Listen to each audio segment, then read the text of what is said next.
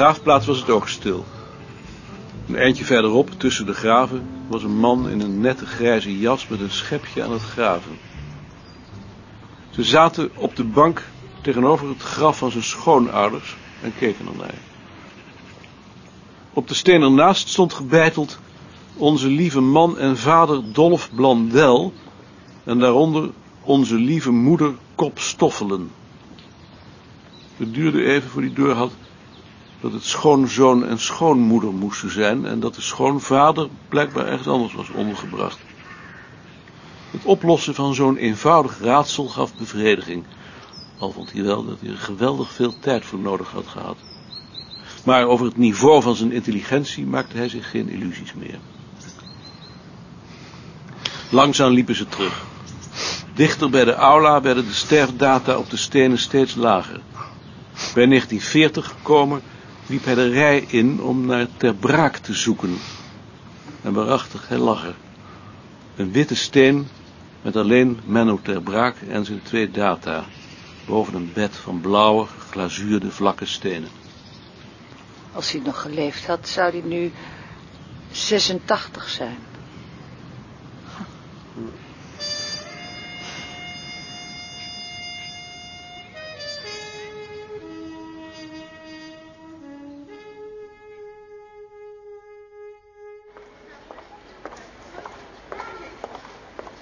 Ze liepen de Mint af, langs het gebouw waar hij nog een jaar op school had gezeten, voor hij naar de Vlierboomstraat verhuisde. En waar Nicolien, veel later, toen het een bibliotheek was geworden, iedere zaterdagmiddag een boek haalde. Op de hoek van de Perenstraat vroeg een vrouw van een jaar of vijftig hun of ze wisten waar de Ananasstraat was. uh, waarom lacht u? Omdat ik er gewoond heb. Ja. Is het een nette straat? Ik dacht van wel. Ik moet op 22 zijn. Is dat ook netjes? Heel netjes. Wat een raar mens. Om te vragen of het een nette straat is. En dan zelf op het trottoir fietsen. Ja. Van verre zagen ze de witte vitrages voor de ramen van haar vroegere huis. Het zag er dood en potdicht uit, alsof er niemand woonde. In de benedenhuizen er tegenover woonden aan de naambordjes te zien nog mensen uit hun tijd maar aan hun gezichten had hij geen scherpe herinnering. Ze liepen de Torbekkenlaan en de Savorin-Lohmanlaan af naar de duinen. Op een van de velden van Kwik werd gevoetbald. Er stond een bus uit Dordrecht. Daarachter, tot aan de duinen, waren vroeger landjes van niemand. Braak, met plassen en poeltjes en kleine dijkjes. Zoals op Tessel. Nu stonden er rijtjeshuizen. Ze klommen de duinen in, sloegen het eerste pad rechtsaf en staken schuin door naar het strand. In de richting van Scheveningen was het strand bijna verlaten, op een enkele wandelaar met een hond na. De Zuiderpier verdween half in de nevel. Uit de nevelige verte kwamen twee vissersboten op de haven af. Lang voor zij zelf de haven bereikt hadden, waren de boten al binnen. En ook een derde, die pas opdook toen ze bij de masten van Radio Scheveningen liepen. Het was heel stil. Alleen het korte slaan van de golven tegen het strand. Hoewel het al schemerig begon te worden, was er nog geen licht in de vuurtoren. Er waren ook geen misthoorns. Het leven op aarde stierf weg. Ze liepen om de haven heen naar het visrestaurant. Vijf uur. Er zaten al wat mensen. De meeste tafels waren gereserveerd. Ze bestelden een borrel gekokte griet en een fles gewürztraminer. Van waar ze zaten konden ze de buitenhaven zien. Er lagen een paar grote trollers met gele masten. Het werd snel donker. De lichten langs de kade gingen aan. Naast hen kwamen zes vrouwen zitten, tussen de veertig en de vijftig. Ze hadden wandelschoenen aan. Een van hen bestelde whisky, de andere bier. Ze namen alle zes forel waaruit hij opmaakte dat ze hier nog niet eerder waren geweest. Voor het eten baden ze. Ze zeiden bijna niets. Maar hij had toch niet de indruk dat ze zich bij elkaar op hun gemak voelden. Wat zouden dat nou voor vrouwen zijn? Je zou het gewoon moeten vragen. Toen ze een paar uur later terugreden naar Amsterdam, hadden ze allebei hoofdpijn. Hoofdpijn? maar wel tevreden.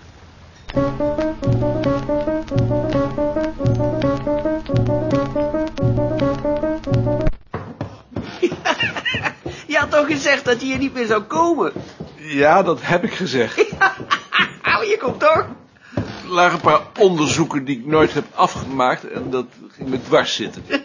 Wat dan? De dorsvlegel, de zeis, Dat zit er dan wat in? daar zit veel in. Ook, ook voor de economische geschiedenis van Brabant.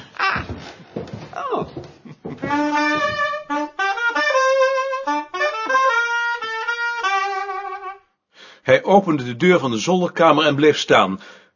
Het bureau van Beerta was verdwenen. De kamer was leeg, op een prullenbak en wat rommel na. Hij keek ernaar, bewegingloos.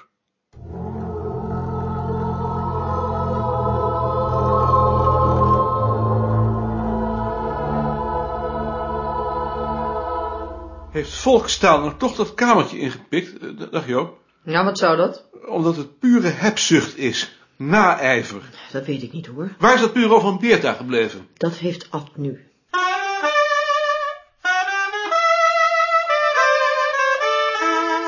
Het bureau van Beerta stond op de plaats waar het bureau van Ad en de boekenkast die als scheidingswand diende hadden gestaan. Even was hij het spoor bijster. Toen trok hij één voor één de lade open waarin hij zijn dossiers had opgeborgen. Ze waren verdwenen. In plaats daarvan lagen er nu papieren en mappen van Ad.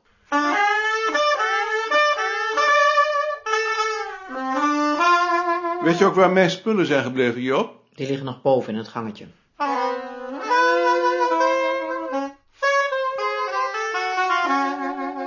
In de boekenkast tegen de muur van het gangetje dat langs de lichtschacht het voor- en achterhuis met elkaar verbond, lagen zijn papieren, opgestapeld in dozen. Hij trok de dozen één voor één open, bladerde haastig door de inhoud, schoof ze weer dicht en wendde zich verslagen af. Dat ze onder de druk van volkstaal bezweken waren en dat Ad het bureau van Beerta had genomen, kon hij zich nog voorstellen, maar dat hij niet gewaarschuwd was, vond hij onbegrijpelijk. Hij ervoer het als vijandig, bedreigend.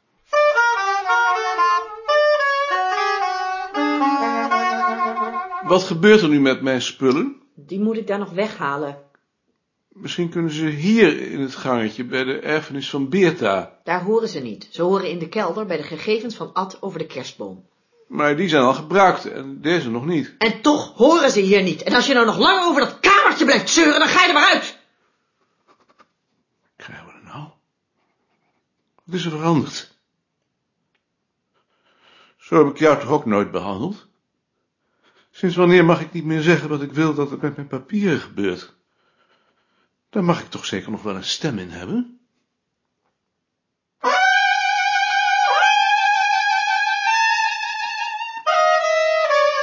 Op zijn ochtendwandeling op weg naar niets dwong hij zichzelf om zich heen te kijken, details te zien. De rode kleur van een gordijn, een vervallen woonschip half onder een brug met vuile gescheurde vitrages voor de ruiten. Hij was zenuwachtig, al een paar dagen. Zo zenuwachtig dat hij zou kunnen schreeuwen of in tranen uitbarsten als hij dat had gekund. Hij vroeg zich af waarom, maar vond geen antwoord. In de A-markt kocht hij vier bakjes runderhart voor de katten en liep zonder veel te zien over de eilanden terug. Pas toen hij weer thuis was, bedacht hij dat het het gedrag van Joop moest zijn, dat hij als een onbegrijpelijk incident in zijn geheugen had weggeborgen.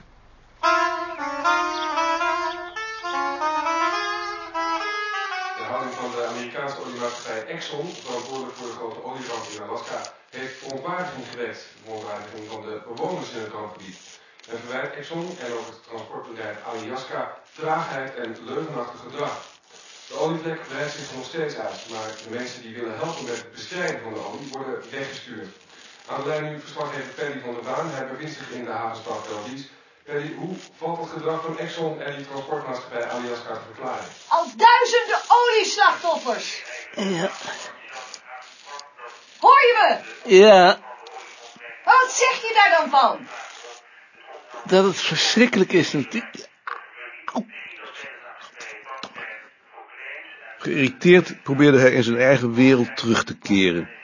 Terwijl Nicolien alle nieuwsberichten op radio en tv volgde om bevestigd te zien dat de mensen schoften zijn, had hij de neiging zich machteloos van het oeverloze leed af te wenden.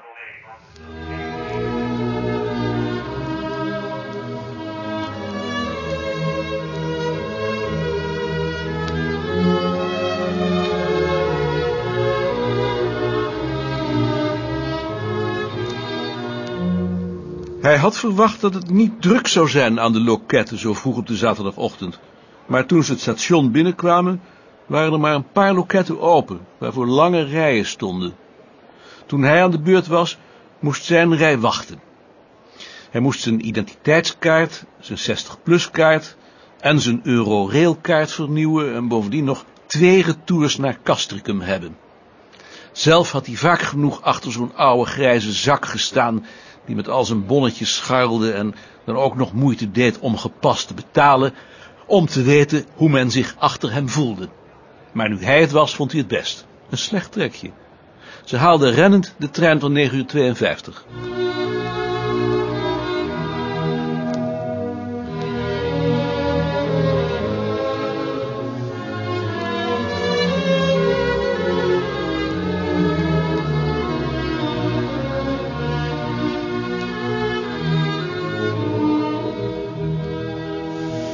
Aan de andere kant van het pad zat een Surinamer met zijn voeten op de bank. Dat irriteerde hem. En in de loop van de ochtend stelde hij vast dat er veel meer was wat hem irriteerde. Zelfs de vrouw achter de balie van de VVV, die de duinkaartjes verkocht, irriteerde hem. Toen ze zo nodig moest vertellen dat ze de vorige dag zelf gewandeld had en hun een prettige wandeling wenste. Ten slotte leek het hem het meest waarschijnlijk dat het gedrag van Joop hem nog altijd dwars zat.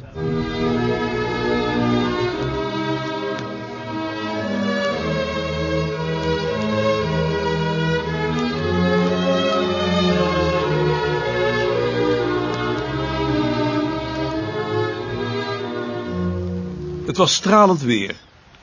In het bos was het drukker dan ze verwacht hadden. Op het strand wemelde het van in rood, blauw, groen en wit geklede mensen met hun kinderen en hun honden. Alleen de honden kon hij verdragen. De mensen hadden bijna zonder uitzondering zelfzuchtige rotkoppen. Waarschijnlijk waren ze met de auto, anders liepen ze daar niet. Het strand was breed en hard.